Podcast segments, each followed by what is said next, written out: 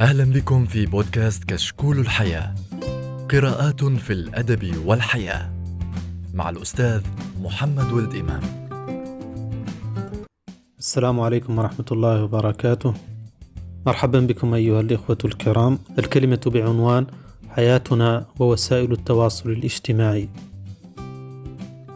لا يخفى عليكم أيها الإخوة الكرام التحول الكبير الذي شهده آه، مجال الاتصالات منذ دخولنا في عالم الإنترنت ثم حديثا مع ظهور وسائل التواصل الاجتماعي التي أصبحت هي البيئة الحقيقية التي يعيش فيها أغلبنا آه، أكثر الوقت.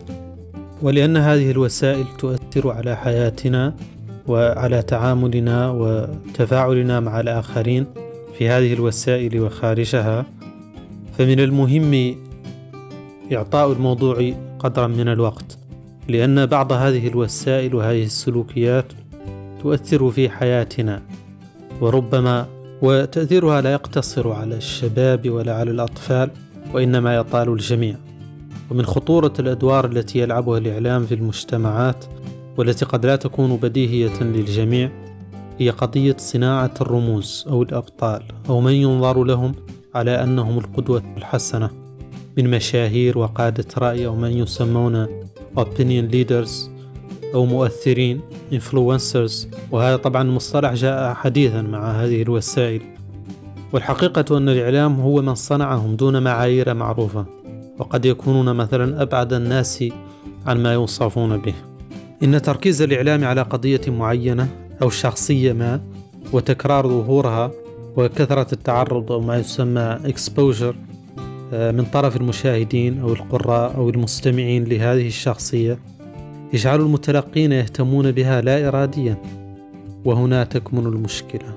فوسائل الإعلام مؤخرا طبعا وسائل التواصل الاجتماعي أصبحت حرفيا تملي علينا ما ينبغي أن نهتم به ومن ينبغي أن نتخذ أسوة لنا. والمتابع لهذه الوسائل باختلافها يرى أن المتلقي العادي عندما يرى الناس تتفاعل مع شخصية ما مثلا يعتقد أنها مهمة وفاعلة ما دام يراها مثلا في البرامج الإذاعية والتلفزيون وفي المقابلات وعلى مواقع التواصل وكثرة المتابعين خصوصا في البث المباشر وغيره فيألف هذه الشخصيات وتصير من قادة الرأي في لا وعيه. وهذه الشخصيات عبر هذا الظهور المتكرر تنهال عليها الدعوات من كل حدب وصوب بينما يقبع آخرون ربما ليست لهم نفس الصلات والعلاقات بالمجتمع الإعلامي وربما يزهدون في الظهور فيه أو لأي سبب كان هؤلاء يتوارون طوعا وكرها تاركين المجال لصناع القادة وموزعي البطولة هؤلاء لذلك من المهم أن ندرك هذا الدور ونقيم الأشخاص المشاهير تقييما موضوعيا فهل هم فعلا قادة رأي؟ وهل الشهرة كافية لأن يصبح الشخص قدوة أو أسوة لنا؟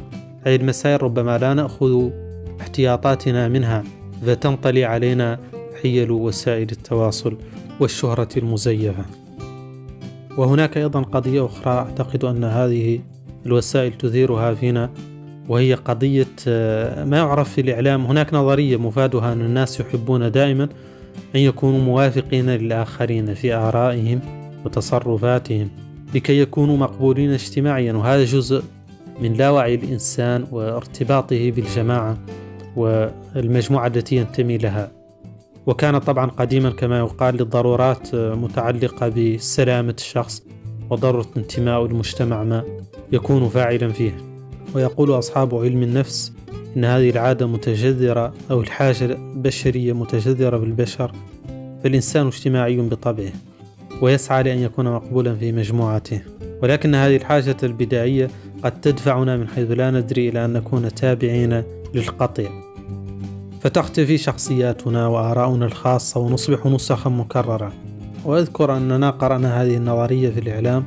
قرأنا أيضا في هذه النظرية أن عالما قام بتجربة بسيطة حيث رسم ثلاثة خطوط متفاوتة الطول وطلب من مجموعة متطوعين أن يختاروا الخط الأطول.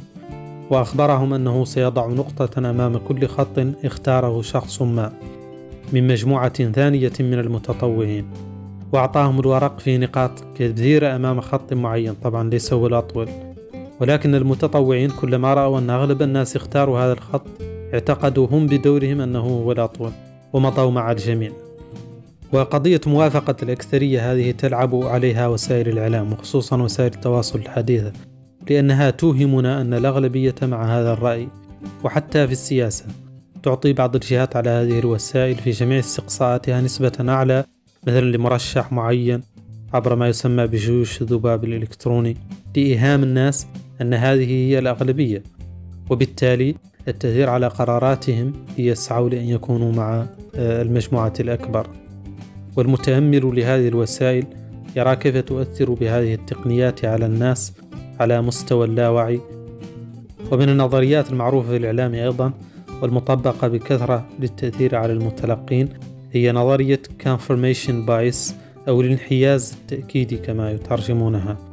وتعني أن الإنسان يميل إلى تصديق واستقبال ما يتناسب مع معتقداته وآرائه وخبراته السابقة ويعضدها. فنرى مثلا المحافظين يتابعون القنوات المحافظة والجرائد والمواقع المحافظة وكذلك نرى الليبراليين والتقدميين كل يتابع في الأغلب إلى عم ما يناسب معتقداته السابقة ويعضدها. فإذا أردنا أن نؤثر عليه راعينا ما يعتقده حتى لا يكون هناك تعارض بين رسالتنا وبين معتقداته السابقة. وهذا التعارض يسمونه cognitive dissonance أو التنافر المعرفي. وفي إطار تأثير الرسائل الإعلامية علينا أيضا عبر وسائل التواصل يقومون بزيادة غير حقيقية في عدد متابعي شخصية ما. فيظن المتلقي أنها لا شك تستحق الاستماع لها لأن كل هؤلاء الناس يتابعونها ويتفاعلون معها. وكما يقال هذا من الماء لا يخلو من المرق. ومن هنا جاءت مسألة شراء الروبوتات الرقمية لزيادة المتابعين. وطبعا تذكرون قضية آه، شركة آه، أناليتيكا وتعاملها مع فيسبوك. وحديثا قامت مواقع التواصل أو بعضها بمحاولة للتصدي لهذه الممارسات عبر إخفاء مثلا عدد المتابعين أو عدد من شاهدوا مقطعا معينا على يوتيوب حتى لا تستخدمه الشركات في الدعاية للتأثير على الناس. وطبعا هذه القضية مشاهدة كثيرا. فمن يرى صفحة مثلا أو شخصا لديه عدد كبير من المتابعين يظن أنه لا بد أنه شخص مهم أو لا بد أنها صفحة مهمة وبالتالي يتابعها هو أيضا. وهذه الأشياء تجري على مستوى آه، اللاوعي كما قلنا. القضية الأخرى التي أريد أن أتناولها في هذه العجالة هي أيضا في إطار التأثير النفسي لهذه الوسائل علينا كمتلقين ومستخدمين لها. ومن أهم المظاهر ظاهرة الجوع والنهم للإطراء وإدمان المجاملة من الطرفين المجامل والمجامل حتى أضحى السكوت عن منشور ما وكأنه خيانة لصاحبه. كيف لم يعجب فلان بمنشوري؟ كيف لم يعلق؟ ولعل من أخطر الظواهر المرتبطة بالتواصل الاجتماعي هي المقارنات الظالمة. Unfair comparison. حيث نرى المنشورات الرائعة ونرى حياة المشاهير ونقارن أنفسنا بها أو بالصور المزيفة غالبا التي يصنعونها لأنفسهم. وهي صورة مثالية غير واقعية كما أننا نهمل الجوانب الأخرى الغائبة من الصورة. وأحب أن أعطي مثالا شهيرا على هذه المسألة. فلو أخبرتكم أن صديقي عبد الله مثلا مميز فهو يقرأ مدة ربع ساعة كل أسبوع لكن أحمد أكثر تميزا بكثير فهو يقرأ ساعة كل يوم بانتظام. من الواضح أن أحمد أكثر تميزا ونجاحا من عبد الله في هذه الصورة. ولكنها صورة ناقصة كثيرا فقد أغفلت تفاصيل حياتيهما الأخرى. فانظروا إلى التفاصيل. إذا علمتم أن عبد الله عمره عشرون عاما بينما أحمد تجاوز الثلاثين.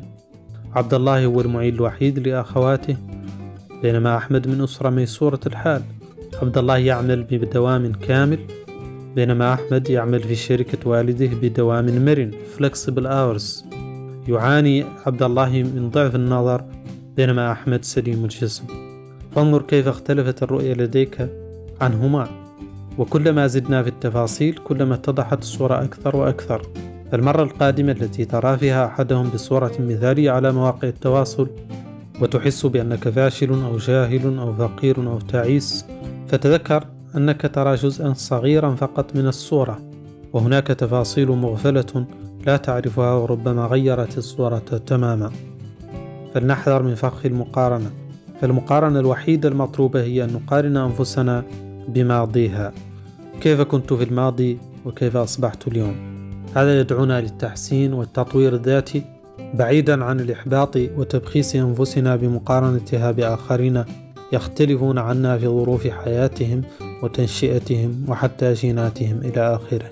فكما أثرت هذه الوسائل على ثقة الشخص بنفسه وقيمته في الحياة وكثير منا يعرض نفسه فيما يسمونه في الغرب العملة الاجتماعية social currency أي أنك تقيم صورك أو منشوراتك أو شكلك بعدد الإعجابات أو التعليقات التي تحصل فكلما زادت زادت القيمة وكلما نقصت نقصت القيمة بالتالي وكأننا نعرض أنفسنا في المزاد فكم منا نشر صورة أو منشورا ولما لم يلقى الإعجاب المتوقع أحبط وحذفها من حسابه.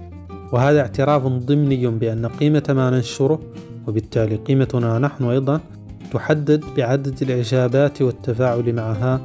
من طرف أناس لا نعرف أغلبهم ومستوياتهم متفاوتة معرفيا وأخلاقيا إلى آخره. ومع ذلك نسمح لهم بتقييمنا بل نقيم أنفسنا أحيانا اعتمادا على آرائهم. إنه لشيء عجاب. هذا ما سمحت به هذه الكلمة المقتضبة. شكرا لكم. والسلام عليكم ورحمة الله وبركاته. كنتم تستمعون إلى كشكول الحياة بودكاست عن الأدب والمطالعات مع الأستاذ محمد ولد إمام.